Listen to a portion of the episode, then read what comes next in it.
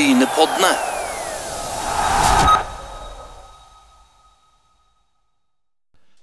Ja, det er fellesferie, og Brynepoddene de tar så visst ikke fellesferie, eh, Asgeir. For det mm, Selv om det er ferie, så må vi jo lage Brynepodd.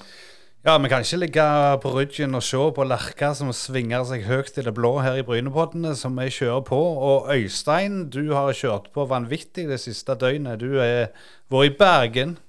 Ja, jeg var så heldig og fikk overvære Brann Bryne. Selv om det ble 2-1-tap på Bryne, så, for Bryne, så var det en, en veldig spennende og kjekk tur. Jeg fikk kjøre opp eh, med, med en god gjeng, og eh, tilbake med en annen god gjeng. Og vi fikk òg omvisning på, på Brann stadion. Og det er klart det når du ser den stadion der, så, så rommer vel 17 000, og det opplegget og og det fine anlegget, så, så er det vel en, en, en klubb her på Jæren som ligger litt etter. Ja, eh, men hva inntrykk fikk du da av Brann? De har jo hatt eh, litt motbør, og er jo selvfølgelig på nivå to, eh, der de ikke har vært på en stund. Hvordan var liksom stemningen i korridorene?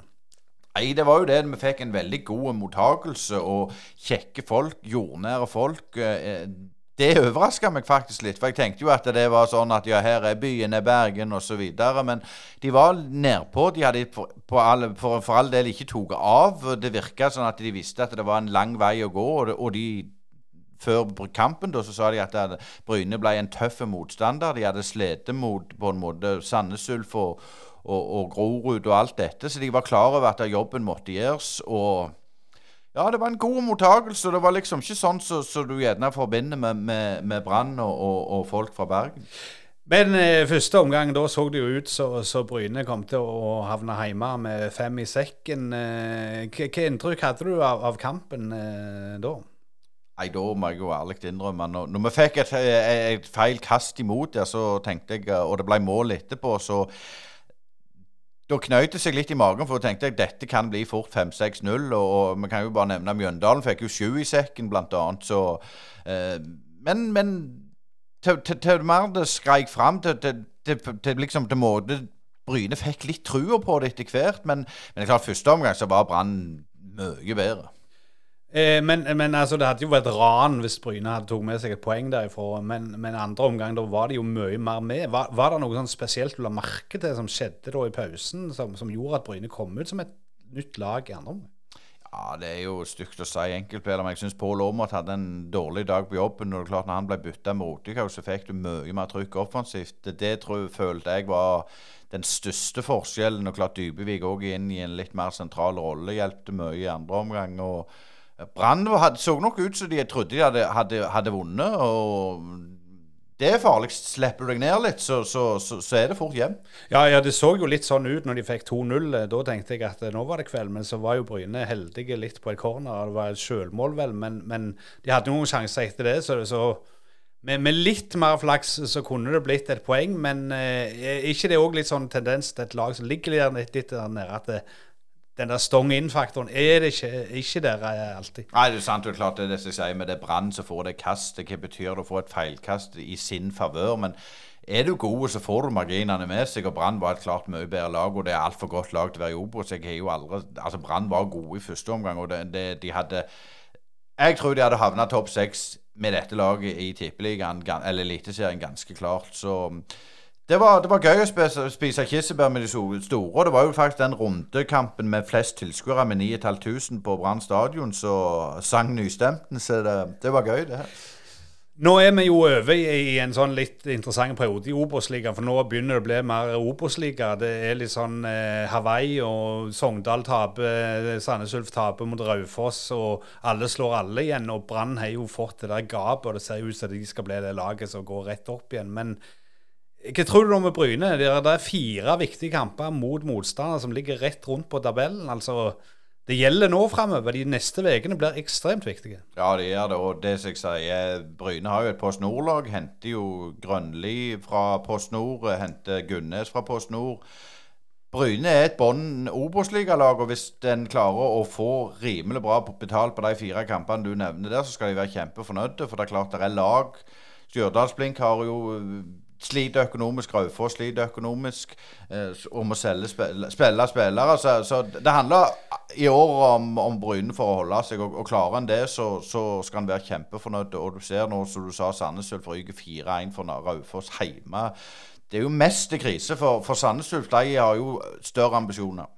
Og så er det da òg noe spennende. altså Nå er vi jo inne i fellesferien, og fellesferien går og ruller noen uker til. Men så åpner det berømte vinduet. Hvis du skulle spekulere litt, tror du vi får noen folk inn på Bryne, så nye tryner til høsten? Ja, det tror jeg. Uh, det må det gjøre. Og det er ikke bare for at det er dårlig kvalitet som er der, men det er liksom det at du må få inn nytt blod, litt ny entusiasme. Det, det er alltid viktig. Så vi får gjerne høre med, med både Kevin og Mikkel om det er spillere på, på, på, vei inn. Men så tenker jeg òg, tror du Sandnes kommer til å forsterke seg? Ja, det, det, er jo et uh, godt spørsmål, og, og jeg går ut ifra at de må prøve litt. For hvis de skal henge med i topp Nå er de nede på åttendeplass etter den der kanonstarten med fire seier på rad. Så, så, nå er det jo spøker jo for kvalik eh, nå, og de opprykket kan de nesten glemme, tror jeg. Eh, så hvis de skal være med i kvaliken, og det er jo målet deres iallfall, så, så må de kanskje hente noe. Det har jo ikke hengt sammen bak, og de har sluppet inn mer mål enn Bryne har. Mm. Og så er det jo dette med penger. Har de penger, da? Men får skje når vinduet åpner 1.8. For jeg tror nok ting kommer nok til å skje. Det andre òg eh, Vi skal ha en gjest i dag eh, som kommer. Eh, en spennende kar som du kjenner litt til fra gammelt. Ja, og det er jo den vitsen der når det, når det brant i, i Eigersund, og de kom fra Sokndal for å, for å slokke brannen, så sier de nei, kom dere hjem, det er vår brann. Så Jone Mathisen han, han, var min lærer, så det skal bli utrolig spennende å høre hva, hva han har å berette. Da sveiver vi i gang med Jone Mathisen. Brynepodden er lyden av sport og litt dypere. Og i dag så skal vi, vi skal være litt dypere. Men vi skal rett og slett til en kar som har vært involvert i fotball og hva si, kulturliv i, i, ikke i Åkkaby, men i Haua. Det skal vi, og så langt sør har vi mest ikke vært før. Nei, og det var høy på tid. Og uh, hjertelig velkommen til Brynepodden. Jeg må bare si Jone Arild Bu Mathisen, men det er vel Jone Mathisen vi skal bruke? er Det ikke det? Det er helt korrekt. Jeg holder lenge med Jone Mathisen. Men, men, du må jo komme inn på dette med Jone Arild Bu Mathisen. Hva Ja, det er jo litt spesielt langt navn. Eh, Arild er mitt mellomnavn som jeg aldri bruker. Det kommer av min far, som jeg aldri traff. Døde før jeg ble født. Og Bu er min, min, min mor sitt etternavn, så det har jeg valgt å beholde hele veien. Men uh, det er tungvint med de fire navnene, så jeg klarer meg lenge med Jone Mathisen. Det er godt, og Du er ikke i slekt med Jesper Mathisen, bare for å ha brakt det på det rene? Nei, det har jeg aldri funnet ut at jeg er. Og det er vel ikke du heller, Asgeir? Ikke så vidt jeg vet. Vi er vel alle i slekt eh, hvis det går langt nok tilbake. Men eh, jeg tror ikke vi skal inn på slektsforsking, eh, selv om eh, Jeg hadde faktisk litt slekt i Sokndal som jeg husker fra barndommen en gammel bussjåfør som heter Lyng Midbø. Men eh, det er jo eh, mange år siden han døde. Så eh, Sokndal er, er, er en plass i, i, fylket som kanskje ikke de fleste vet så mye om, utenom at uh, Tønes kommer derifra. Uh, Jone, kan du si litt om uh, ditt engasjement i lokalmiljøet og idretten, hvordan det begynte? Ja, jeg ble tidlig dratt inn i, uh, i fotballen. Jeg hadde en uh, nabo, og far hans var veldig ivrig i fotballen. Så det er i grunnen han, Leif Borsheim, han er fra Sandnes. Det var han som dro meg og ungene i nabolaget med inn i idrettslaget på, på Hauga da. Og så jeg begynte tidlig å spille fotball, for kompisen min var to og tre år eldre. Så jeg hang med dem fra jeg var fem. Og spilte elverfotball før jeg var sju år. Så det var litt spesielt. Jeg husker da jeg ble ti. Da ble det faktisk sjuerfotball. Så jeg har ett år som sjuerfotball som tiåring. Ellers så var det elverfotball bang da jeg var liten. Og jeg stortrivdes med ballen ifra jeg kunne begynne å bevege meg, skulle jeg si. Men, men, litt, var det andre idretter? Og, og, du er jo, Nå husker ikke jeg årstallet hvor du er født, men det var vel gjerne ikke det var ikke så mye iPhone og dataspill da? Nei, jeg er født i 73, så jeg blir 50 neste år. Så Nei, jeg, når jeg var liten og vokste opp, så var vi ute. Enten var det cowboy-indianer, politirøver, eller så lekte vi med ball. Og jeg var, drev med både med friidrett, og når håndballhallen kom i Sokndal, så drev vi med håndball i tillegg. Så det var eh, aktiviteter vi drev med på ettermiddagstid. Men, men eh, Sokndal er jo kjent for, for en veldig stor hjørnesteinsbedrift, altså med Titania og, og dette. Var det liksom eh, Titania-folk som var litt sånn drivkraften i idrettslaget, eller var det liksom de lokale bøndene, og var det liksom noen konflikter ute og gikk der i barndom? Nei, eh, den største konflikten med Titania den var det Bellona som skapte når, når angående deponiet. Eh, det, var vel eneste, det var vel han sa, Rune Haug, eneste plassen han ikke torde å gå alene uten livvakt. Det var i Sokndal sentrum eh, ved slutten av 80-tallet. Men eh, ellers er jo Titania vært en viktig bidragsyter. Fram til de siste årene. De, de, eierne er blitt vanskeligere og vanskeligere, så det er ikke ny støtte å få fra Titania i dag. Det er kun profitt. Men det er jo Titania som står bak idrettshallen, bl.a. Gjorde mye tidligere. Men Sokndal er jo ei dugnadsbygd. Og ellers er vi jo mest kjent for Sogndalstrand. Så er det en veldig flott eh, plass å besøke. Men Fortell litt om Sokndal og, og som vi sier. Litt sånn litt løye rykte, kan vi si. Hvis jeg bruker ordet løye, så er det at, at, de Haua er så spesielle og alt det der som, som vi elsker å, si. Men, men, hvor mange innbyggere er det? og, og hvordan er på en måte bygda? Du er jo derfra, så du ser det jo fra, fra innan. Ja, det bor rundt 3300 mennesker i Sokndal. Da jeg vokste opp, så var det litt mer. Men eh, som de fleste små bygder litt på landet, så er det en del eh, frafall, og folk flytter til større plasser.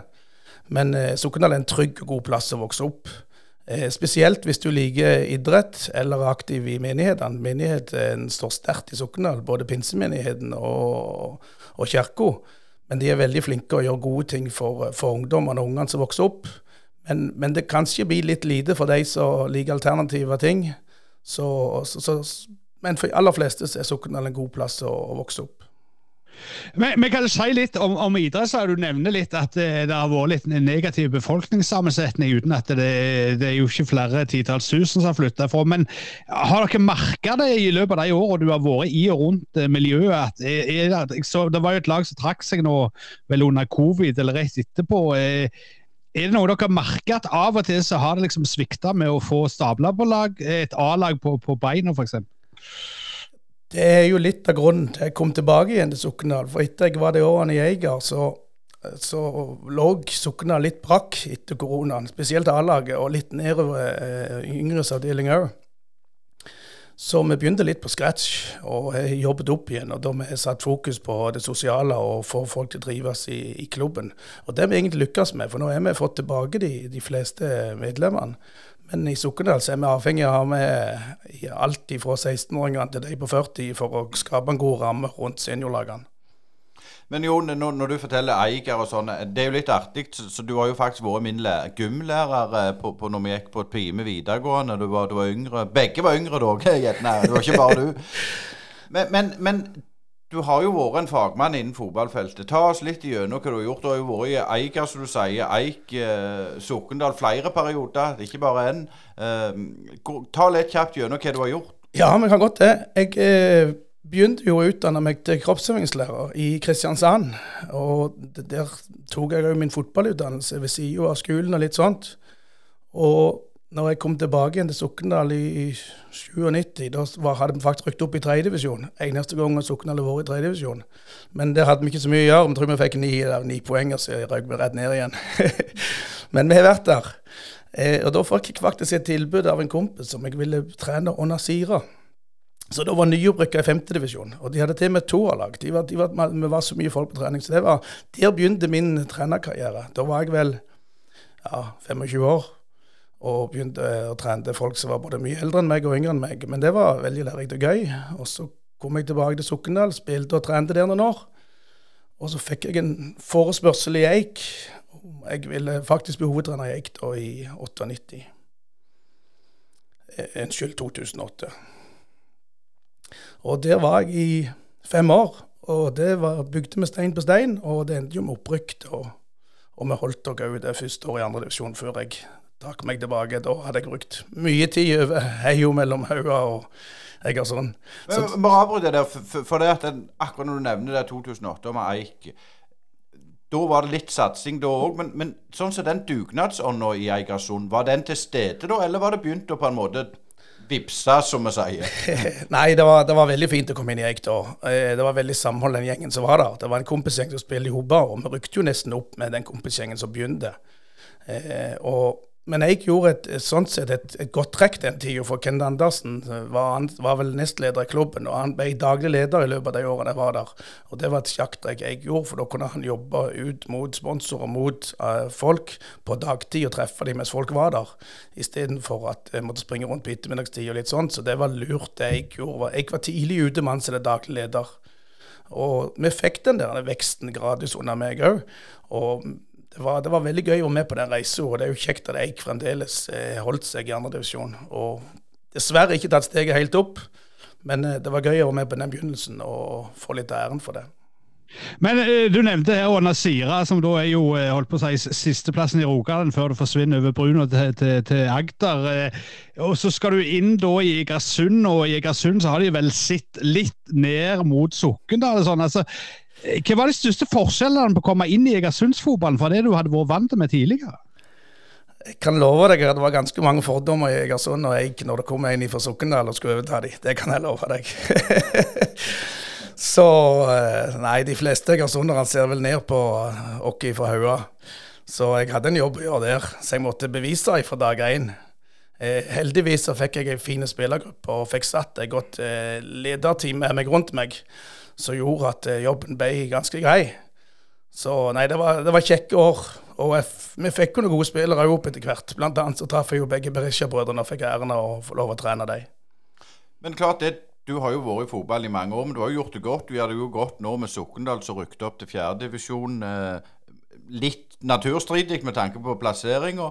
Eh, har du fått mulighet til å trene høyere, eller, eller har du ikke ønska det sjøl?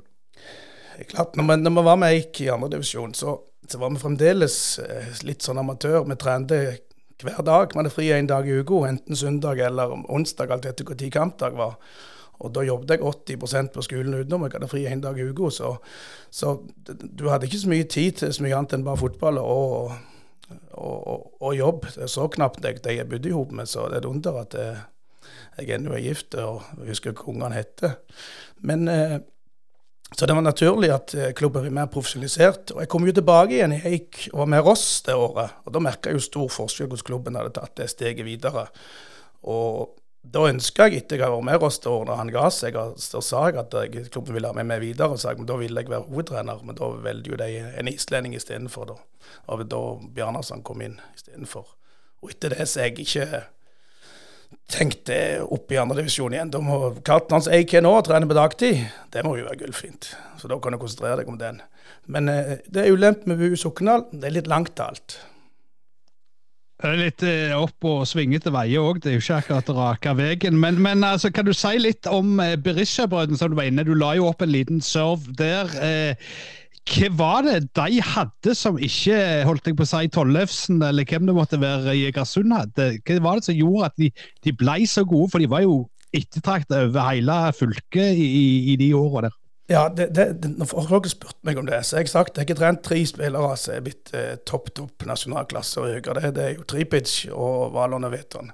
Og alle kommer fra et område av Europa, så dere kjenner det, et Balkanområde, der du må opp og fram hvis du vil noe. Eh, de hadde en lidenskap, en passion, som du ikke finner hos norske ungdommer. Det var litt sånn Dette er veien for oss, dette skal vi få til.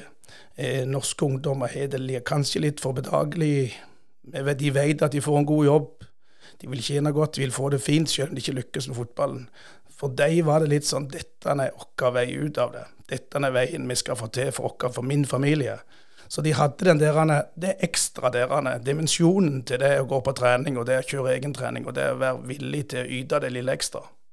Men Hvordan var de overfor deg? Var det sånn at de prøvde deg, altså de skulle pushe deg? Eller hvordan, hvordan var det å coache dem? Ikke i det hele tatt. Det er tre av de mest ydmyke spillerne jeg har vært borti noen gang. Og fremdeles den dag i dag har jeg god kontakt med alle tre.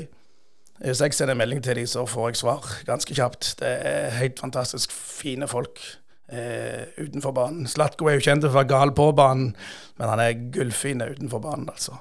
Nei, så det var ydmyke folk. Opptatt av å gjøre det godt på skolen. Opptatt av å framstå som skikkelige folk.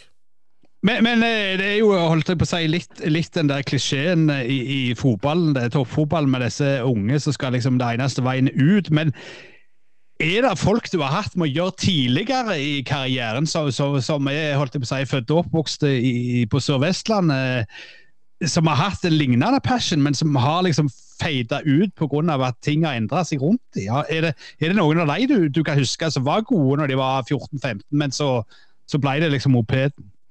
Ja, ja, det er det helt klart spillere som har vært på det. Kanskje ikke på det nivået som Valon var. Han var en klasse over alle jeg har vært borti. Eh, når han var 15 år, så vant laget hans Det laget han var på trening, det vant uansett på trening. Det var helt hinsides. Så når han gikk til Viking, så skjønte vi at han er klar for neste steg ganske kjapt. Men, men klart det har vært spillere på, i lokalmiljøet på Egersund, og nesten i Sokndal òg. Men, men, eh, de vet ikke nok eh, hva det Eller hva skal vi si? De vet ikke hva det koster å bli så god som de egentlig vil bli. De tenker det skal gå mer av seg sjøl. I, I, dag koster det enormt for å nå toppen.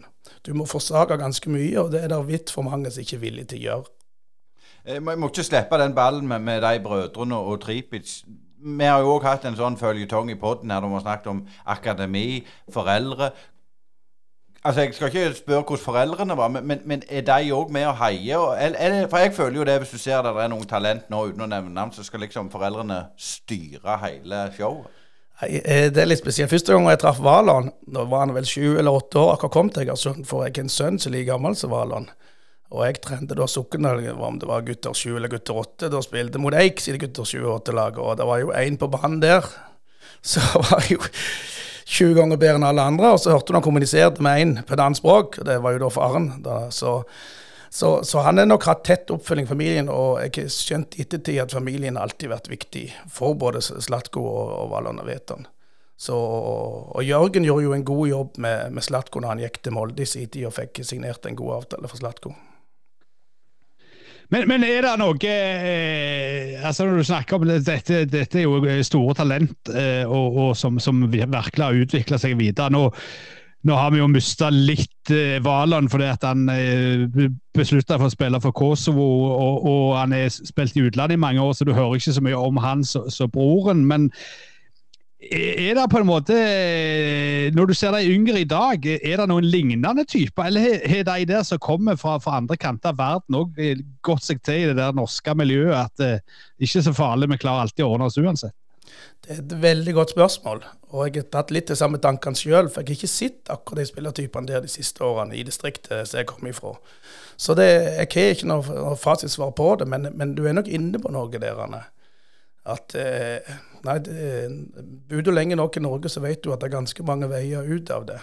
Så, og, men det var en periode du så ungdomslandslagene i Norge hadde veldig mange utenlandske etternavn. Men jeg ser i dag når jeg ser, så er det jevna seg ganske ut, og det er ikke så mange lenger. Så nei, det er et godt spørsmål som jeg ikke har noe godt svar på. Eh, du er jo aktiv som sosialdemokrat i Arbeiderpartiet i Sokndal, og lærer. Jeg tenker litt sånn du sier at, at, at, at ungdommen i dag vet at de får seg en god jobb osv. Men så ser vi allikevel dessverre at, at, det er flere som faller ut. Det blir større avstand med de som du nevner, for å bruke det Sokndal som et eksempel. De som går på bedehuset i kor og idretten. De klarer seg, og så er det dessverre en del som faller utenfor. Har du òg sett den endringa? Går det feil vei, eller, eller, ser vi at det lysner? Nei, nei jeg, jeg, tror det går litt feil vei. Eh, all forskning viser jo at ungdom i dag eh, de gjør det bedre på skolen. De har et bedre forhold til foreldrene sine. Eh, de er mer opptatt av de, eh, at de skal trene, at alt skal være bra. Men på bekostning av det så har de jo selv, dårlig selvbilde, mye psykiske problemer. Og, og, det er nok samfunnet rundt det som har skapt det. At alt skal være så perfekt og fint. Og når de ikke klarer å leve opp til det, så er det eh, dessverre et tegn i tiden at litt for mange ungdommer ikke er det så greit som vi skulle egentlig ønske de hadde. Nei, det, det, er jo veldig interessant med dette sjølbildet. Jeg, jeg, husker jo en gammel emissær som sa litt feil den gangen. sa 'kom som du er og bli som du var', som er for så vidt en grei måte å se på livet på. At det ikke er noen hokus pokus-løsninger. Men, men, altså i Sokndal, dere skal få gang og, og drive miljøet. Hvor, hvor, hvor mange er dere liksom som er drivkraften? Og er det det som er faren på mindre plass? Altså når, når en, en, eller annen sentrale person eh, ikke klarer mer eller må flytte, så, så, så raser de sammen. Altså, hvordan er rekrutteringa i miljøet der?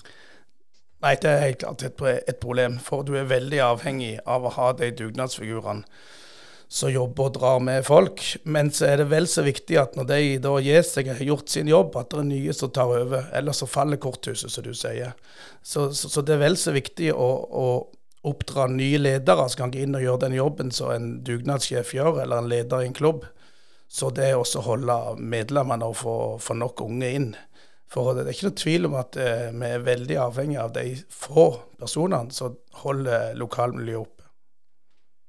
Det er klart Sokndal har jo et fantastisk anlegg og hall og, og, og, og dugnadsinnsats. Ser du på store klubber, så har du jo ingen av delene.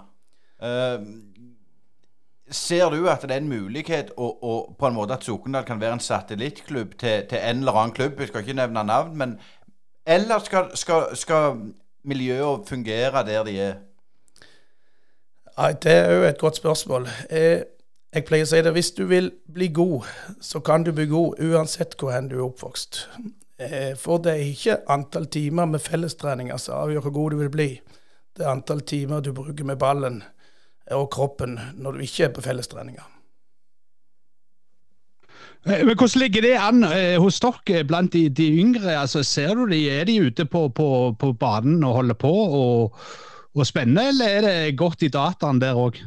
Altfor lite på banen. Hadde de brukt like mye tid på banen som de bruker på Fifa f.eks., eller Fortnite, så hadde vi spilt høyere enn fjerdedivisjon, vil jeg si. Så nei, det er et, et problem at de, de, kommer på fellestreningene, og så altfor lite trening utenom. For lite bruk av løkkene rundt forbi. Men eh, nå er litt tilbake til, til din, din uh, lærergjerning. Det er klart Du er en av de som vi snakker om som, som er lim i et lokalsamfunn. Du, du, bor der, du er i politikken, du er lærer. Eh, er det òg en utfordring for deg personlig? Altså du går litt opp i det? Ja, det er det. Eh, klart I et lite lokalsamfunn, når du stikker hodet fram, så, så, får du deg noen på trynet innimellom. Det gjør du. Eh, og du må like folk hvis du skal være eh, lærer i en liten bygd som du skal bo i. For, men, men hvem som driver deg? Jeg er glad i folk. Eh, enkelt og greit. Eh, og det handler litt om at eh, se utviklingen til unge mennesker og se den drivkraften vi kan få til i hop. Og det er litt av det fellesskapsfølelsen som jeg liker. Eh, men, men, eh, vi er jo alle som er vokst opp på Sør-Vestlandet, kjente med dette berømmelige skillet, iallfall i, de som er på vår alder. altså mellom Du nevnte her menigheter og, og idrettslag. Eh, hvordan har dere klart å løse det i Sokndal, eller er det fremdeles gap mellom miljøer? Det har blitt mye bedre enn de siste årene. Når jeg vokste opp, så var det mye mer et skille. At enten gikk du i menigheten, eller så gikk du på Frittun, altså festplassen, eller så var du, var du i, idretten. I dag er det et mye mer flytende skille, der, der er det mer akseptert at alle ungdommene og ungene går forskjellige plasser. Så der, der har bygd tatt et skritt i, mange skritt i rett retning. Det som er videre nå, ser du noen som kan overta for, for, deg. Nå blir du 50 neste år, du har jo lenge igjen, som han sa. Men, men er, er, det noe rekruttering? Gir dere noen grep, eller er det bare sånn For nå vet jeg at du ble hyrt inn som, som trener for at nå, nå sleit de litt, og, og, du får det opp igjen. Og så, og så slutter du, så går det gjerne ned igjen. Men, men er det drivverdig å holde på sånn? Ja, jeg håper det. Jeg håper det skal være nok rekruttering innad i egen klubb. Men vi har jo måttet tydd å hente inn folk fra Egersund for å holde liv i A-lag og litt sånn forskjellig tidligere. Men jeg håper at vi skal få nok rekruttering innad. Og det er litt av grunnen til at jeg har med meg to Sokndøler sjøl som mine hjelpetrenere. Så jeg håper jo at de, de står klar når, når, jeg gir meg. Når jeg var involvert i et A-lag, enten spilt eller trent i ett strekk siden 1990. Så det er vel snart på tide å ta et skritt tilbake. Eh, men, men, kan du si litt om, om ståa? Altså, du nevnte her under Sira med to lag. Eh, du har Helleland, du har uh, ulike uh, Moi osv. Hvordan er ståa i fotballen i den sørligste delen av fylket i dag, kontra det det har vært tidligere? Eh, nivået blant spillerne er helt OK, men, men, litt av de samme lagene Når du bor i en utkant, så er du avhengig av med alle. Det vil si Bor du i Stavanger og går på skole her, så spiller du likevel igjen for heimklubben din. Og det vet jeg at både Moi og Hofsera og andre klubber sliter med, at de får ikke trent nok sammen osv., men de kommer hjem til kampene. Så, og Det gjør at de likevel klarer å ha et akseptabelt nivå. Hvis du ser Lund kommune, så er de to lag i femtedivisjon. Både Hofsera og Moi. Det syns jeg er ganske godt gjort.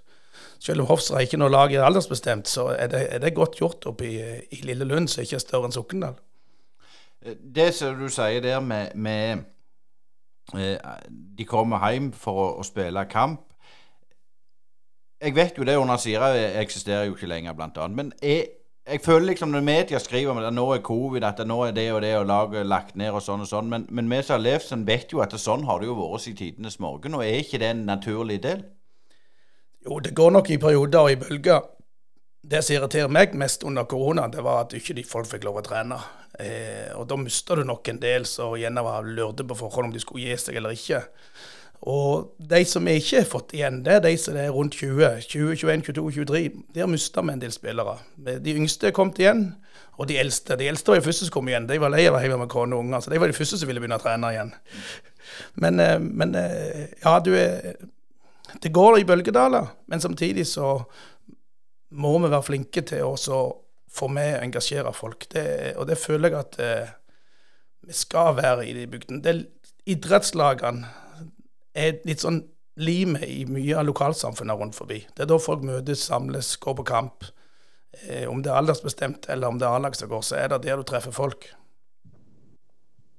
Men, men litt av disse 20-åringene, som vi har jo hørt det òg fra, fra, Stian Røisland i, i håndballen, at de, de, har det samme der. At det, det er de der rundt 20 som har eh, slutta. Eh, hvordan får du det tilbake igjen? Altså det, det, må jo være veldig kjedelig å bare gå og drive dank og se, se på en eller annen Netflix-serie hele veien òg.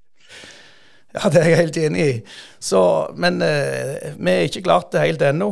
Og jeg vet ikke. Og de får andre interesser. Og igjen å trene litt mer i studio, jogge litt mer. De, de mister den der faste tilhørigheten, til, tilhørigheten som jeg syns er viktig. At du vet at klokka sju så skal du være der tre dager i uka det, det, er viktig. Ikke bare at du kan komme og gå sånn som du vil. Men det er en del ungdom i dag som vokser opp, som liker ikke det der at du må være en plass til enhver tid.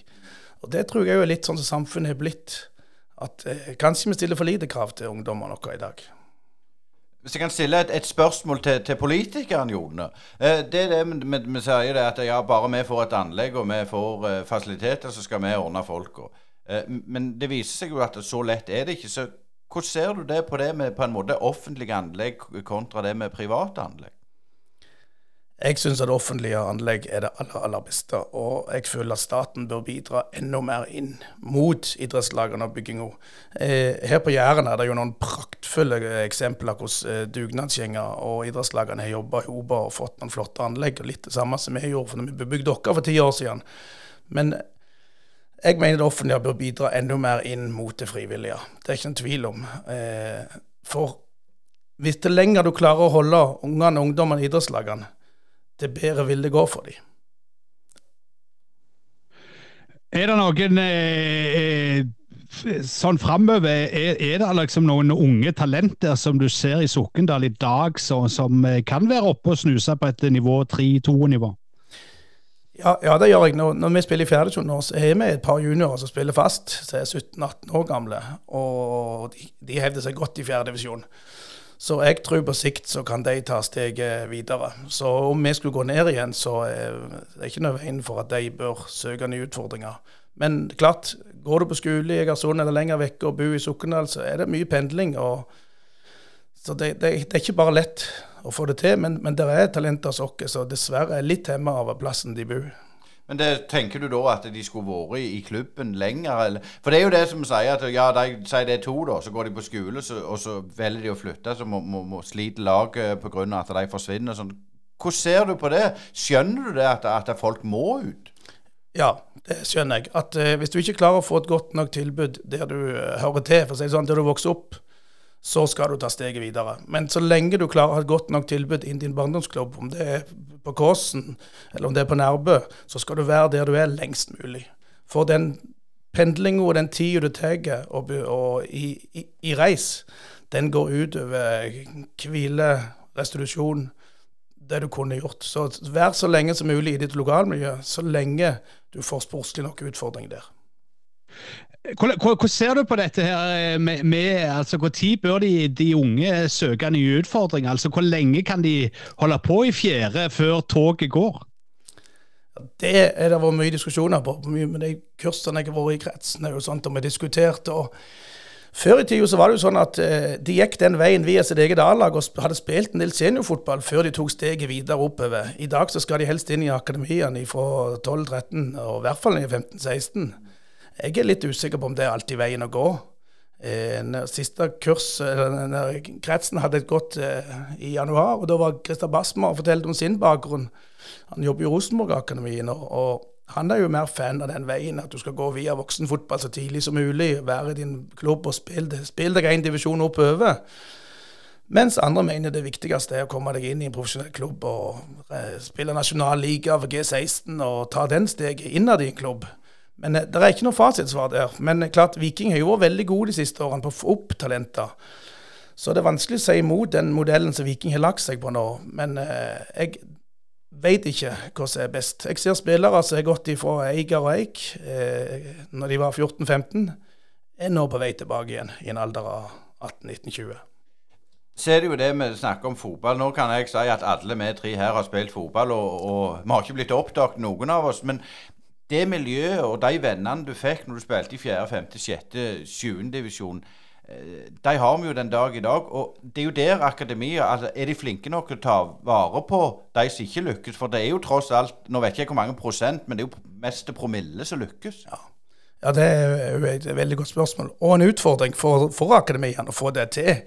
Og jeg ser òg det å få denne lagsfølelsen er jo et vanskelig. For si en junior som spiller i en litt større klubb, skal han spille litt på juniorlaget, litt på toerlaget så får han igjen hospitere litt med A-laget.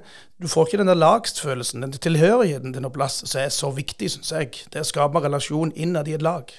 Bare si, skyte inn der. Ja, for akkurat det som du sier, at når vi spilte mot Hauga, så var det jo hele bygda vi spilte mot. sant? Og, og det følte du på kroppen òg. Og er det litt av grunnen til at hvis en som er 19-20 år Nei, jeg kommer ikke til å spille på Viking eller Bryne. Jeg, jeg gidder ikke jeg begynner å spille biljard. Tror du det er noe der? Ja, det tror jeg. For det er nok en del som ser at eh, jeg, jeg når ikke til toppen, så da kan jeg like godt spille i heimklubben min istedenfor å ta ett og to skritt opp. Eh, det Sånn tenker nok mange. Og samtidig med å spille i Sokndal, så kan du få tid til mange andre ting utenom. Klart, Tar du steget opp i tredjedivisjon, eventuelt andredivisjon, så går jo all fritid med til fotball. Og det er ikke alle som vil det. Men, men, er vi litt eh, holdt på å si, dårlige på å kommunisere at det går an å, å spille i det der ha det kjekt-ligaen? Da snakker jeg fjerde og nedover. så alle skal liksom bli eh, altså det, det, er jo ikke noe som er et mål å bli en veldig god tredjedivisjonsspiller når de holder på og er unge. liksom. Nei, Der er jeg helt, helt enig med deg, Asgeir. At eh, Det kan være et fint mål å spille i en god fjerdedivisjonsklubb og ha det kjekt i lag. Det er vel så viktig. Spesielt hvis du ser i samfunnsperspektiv. Så, så er det nesten det viktigere enn at noen får lykkes videre. Hva, hva er det klubbene kommuniserer feil, tror du? Eller kommuniserer de feil? Eller, for det går ikke an å skåle for det jeg hører Ja, men samfunnet er sånn. Det, det blir for enkelt. Ja, nei, Jeg tror for få uh, utenfor vet hva egentlig et samhold i en fotballklubb og idrettslag egentlig betyr. Uh, det, det, er litt for få av de, de som styrer som har vært i en sånn klubb i et lag. Så de har ikke opplevd den garderobefølelsen, den der tryggheten og den kameratskapen det, det egentlig gir. Det, og det er det som gir meg den dag i dag. Det er å være i garderoben sammen med folk på 40 år og folk på 16 år. Det, det er derfor jeg gidder å holde på. Eh, kan du si litt, litt om treningshverdagen dere opererer med i fjerde divisjon i dag? Det er litt interessant å høre hvordan mye trener dere. Hvordan legger du opp på en måte øktene, og, og, hvordan holder dere på, på, for å bli bedre? For alle vil jo bli litt bedre uansett. Ja, vi, vi skal vise så gode at vi nesten at vi klarer å holde oss målet, men det ser ikke sånn ut akkurat per nå. Nei, vi trener eh, seint tirsdag og torsdag klokka åtte, sånn at unger, folk, de voksne kan få legge ungene sine før de kommer. Og så har vi kamp som regel fredag, og så har vi økt søndag ettermiddag halv seks. Så vi trener tre ganger i uka, og så har vi toerlag som spiller kamper mandag eller tirsdag. Eh, og så er det sånn at alle spillerne kommer ikke de tre ganger i uka. Noen kommer to, og kanskje noen kommer bare ei. Men i en liten plass i Sokndal så har vi lagt til rette for at sånn, sånn, må det være. Men som trener skulle jeg jo ønske at alle kom hver gang. Sånn som når du er på, lærer på, på skolen der eh, jeg prøver også å få den endringa der. Jeg er litt opptatt av det med de som detter ut føre. føler du at de detter på en måte utføre yngre nå, eller, eller når du begynte som ja, lærer? Ja, jeg føler dette ut yngre nå. eh, allerede i overgangen eh, ung, barnetrinnet, ungdomstrinnet, føler jeg at eh, mange faller ifra. Tidligere så var det ofte de ga seg når de begynte på videregående. Eh, de detter ut et par år yngre nå enn før. Er det noen forklaringer på det, sånn som du ser det? Litt tilbake til det som jeg sa i stad. Jeg tror vi er litt for snille og for gilde med ungene våre. Vi stiller litt for lite krav til dem. At det er sånn at Hvis du ikke har lyst til å gå på fotballtrening, så trenger du ikke gå på fotballtrening. Og har du ikke lyst til å være med på den bortekampen, nei, men da er du hjemme i dag. Eh, litt sånn, Er du med på et lag, så er du med på et lag. Forklarer de hva det egentlig betyr. Eh, så Der føler jeg at foreldrene er litt for ettergivende. Eh, du skal være med en regnærskveld og kjøre til Nærbø og spille, ikke sant? Eh, Istedenfor å sitte hjemme og spille PlayStation. Så litt mer Skal vi si Ja, det er vanskelig å ordlegge seg uten å for, eh, si for mye galt. Men eh, det stiller litt sånn strengere krav. Det tror jeg er viktig for ungene i dag. Eh, Men samtidig så er det jo det, dette her med, med foreldrene er jo mye mer på treninger sånn, enn de var når vi holdt på. Du nevnte du spilte på stor bane, det gjorde jeg òg for så da jeg var liten. Men, men altså, det var jo ikke det at det sto 15 foreldre langs sidelinja når du var eh, seks år og spilte sju år og trente fotball. Altså, I dag så, så har en jo mye mer sånn eh, at foreldrene skal møte opp overalt. Men er det allikevel, hvordan er dette her med, med dere? For jeg husker jo alle husker jo noen som foreldrene aldri kom og så på dem når de spilte kamp og sånn i gamle dager. Men er det litt for mye andre veien? At eh, foreldrene kreves å være med 24-7, og derfor trekker de seg litt unna, gir litt etter?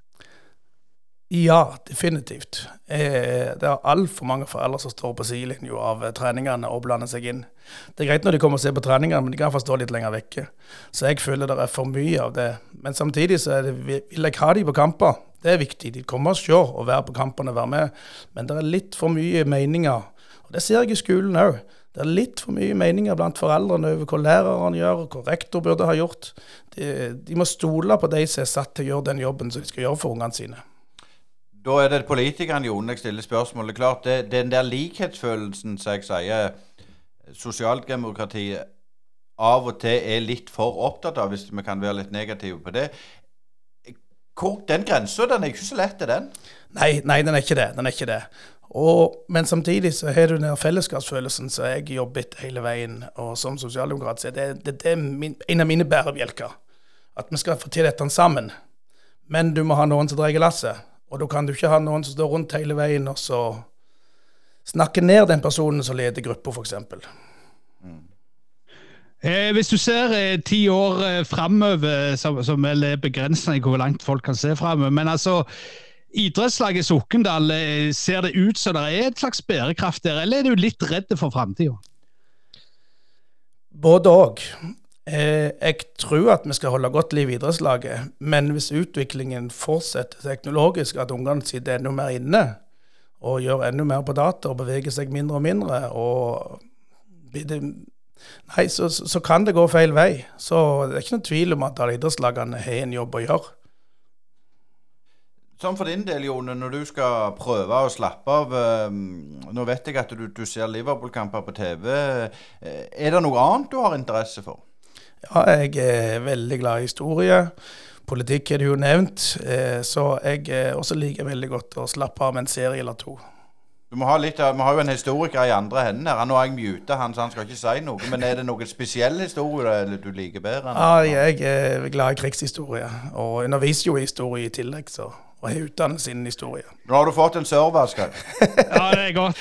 Eh, Vi, vi er klar med tungtvannsaksjonen i Sokndal om ikke altfor lenge, så det, det skal bli ganske eh, kjekt. Så det er jo eh, Jeg skal si deg en Nei. ting. Han ene som var med på tungtvannsaksjonen, han Idland, han, gikk, han kom i land i Sokndal og var med på en sabotasjeaksjon der nede i, på, på Vatland. Det stemmer. De kom i, kom i land i, i H-dyr, levert av Shetlands-Larsen. Det er helt helt korrekt. helt korrekt. Der er vi hvert år med 9. klasse og markerer 8. mai. Ja, nei, det, det, det er kjempeflott. Men, men er det eh, Utover dette, eh, hva, hva tenker du eh, er, er liksom Innenfor idrettsverden, har du noen flere mål, eller har du liksom Eigersund var piken? Ja, Det har jeg òg lurt litt på. Eh, hvor skal veien gå? Skal jeg satse litt igjen og prøve å gjøre meg attraktiv, eller skal jeg si meg fornøyd og trekke meg litt tilbake? Jeg er litt i tenkeboksen på akkurat det. Eh, men jeg er jo treneryrket sånn at det er heldigvis ikke en aldersbegrensning oppover.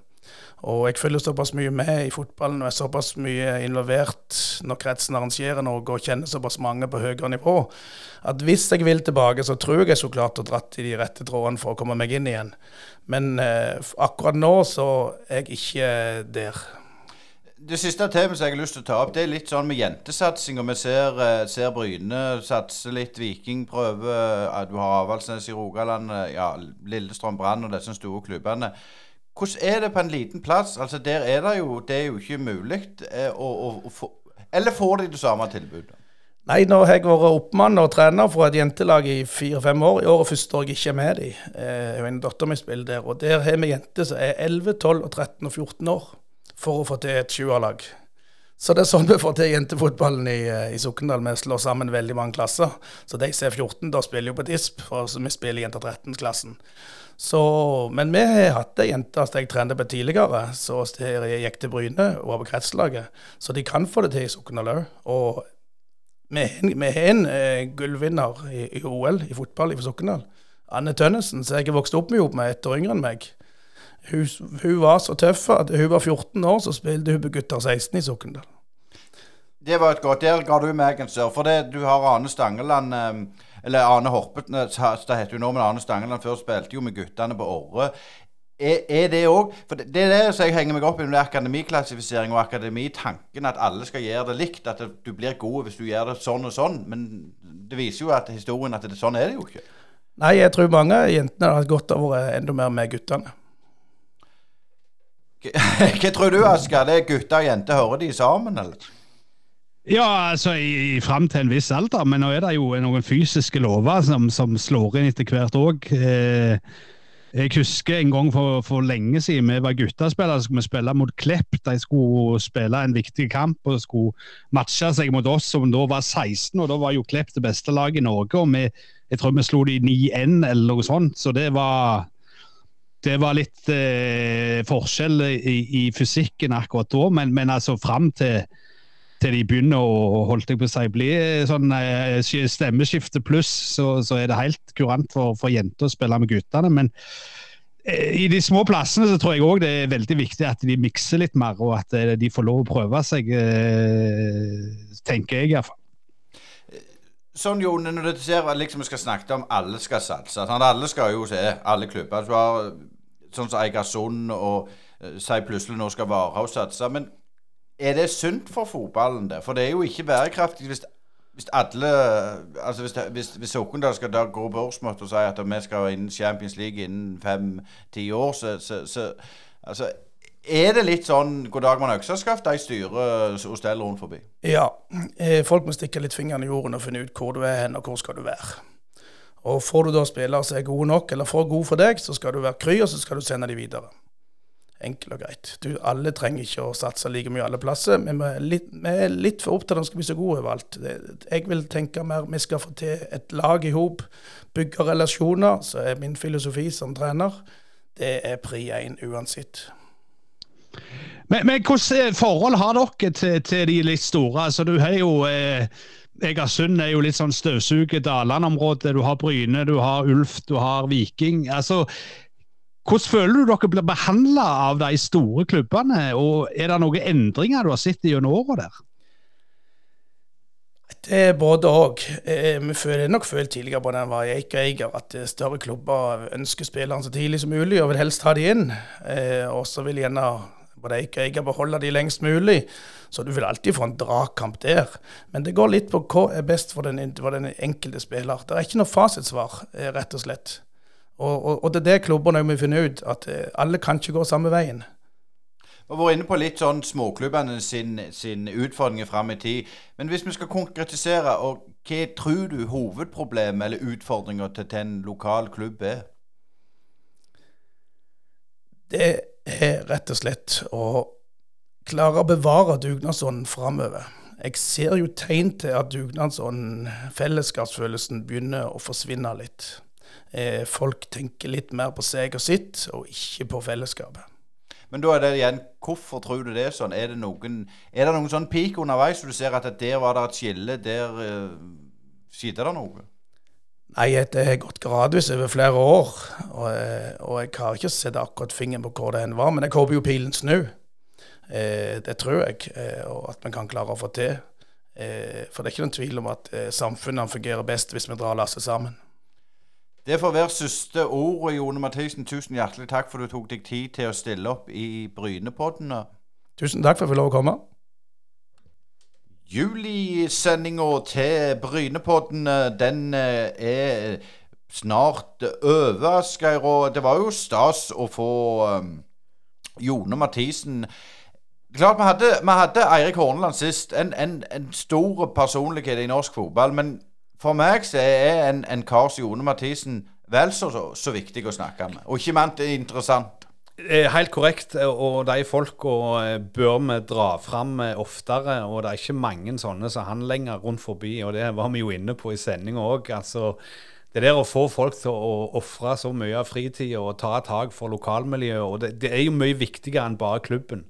Og, og, spesielt på et lag som Sokndal. Du vet jo det, de kommer ikke til å spille noe Champions League på Haua på en stund. Og allikevel den iveren. Men så sier han jo det sjøl òg. Det, det, er litt tynt i rekkene bak, så vi har mista litt der på veien, tenker jeg. Men jeg håper jo at det vil snu, og det er litt sånn De får bare Var det noen som sa det, at de måtte hive prevensjonen på, på små plasser, så kan gjerne oppfordre til det. ja, det må du gjerne oppfordre til, Øystein. Men, men altså, Vi må, må, ikke ha for mange unge nygårder rundt forbi Bygde-Norge. Men altså, nå tenker jeg på at, eh, at det, det, er veldig viktig å framheve de folka som, som, tar tak. Og, og, han hadde jo tidligere ambisjoner. Han trente Eik, og, og han utelukker jo heller ikke at han en dag kan gå tilbake. men jeg syns det er veldig flott med de som innser at det, det er viktigere ting enn bare å, jage egen karriere og se det større i samfunnet rundt dem. Og det er det flere klubber som godt kunne tatt med i bakhodet når de skal ut og, og, og, snakke med andre klubber. Og ikke minst det at det er jo kjekt, selv om du trener Sokndal eller Eik eller, eller Liverpool. Det, vi gjør det jo for å treffe folk og garderobe og kultur. Det er jo det samme overalt. Det, det, er helt korrekt. Det er det samme overalt. Og det er klart det er sånne ting en savner. Og en savner det kanskje ikke før en har vært ute av det noen år. Og så ser en hvor viktig det egentlig var i livet når en satt der og snakket skit med folk rundt i garderobene, eller, eller, reiste rundt til ulike plasser i fylket og utenfor fylket. Så det er jo klart en ting som vi savner. Så vi håper at vi finner tak i flere folk som Jone i framtida òg. Og, og sånne folk er veldig viktig for oss i Brynepodden å følge opp.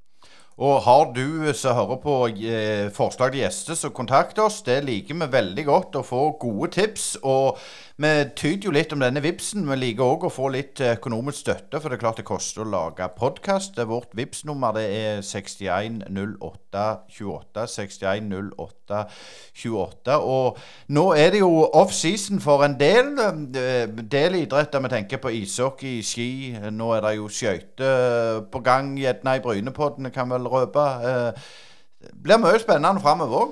Det gjør det absolutt. Eh, vi har massevis av folk på blokka og massevis av spennende ting. Og skal vi fylle sesongen selvfølgelig ut eh, mot slutten, så vi har jo noen litt store planer som vi kommer tilbake til senere i høst. Men vi er klar for å gå på videre. Og til de som sitter i en eller annen campingvogn eller på ei hytte eller i Syden og hører på, ha en fortsatt god ferie. Brynepoddene.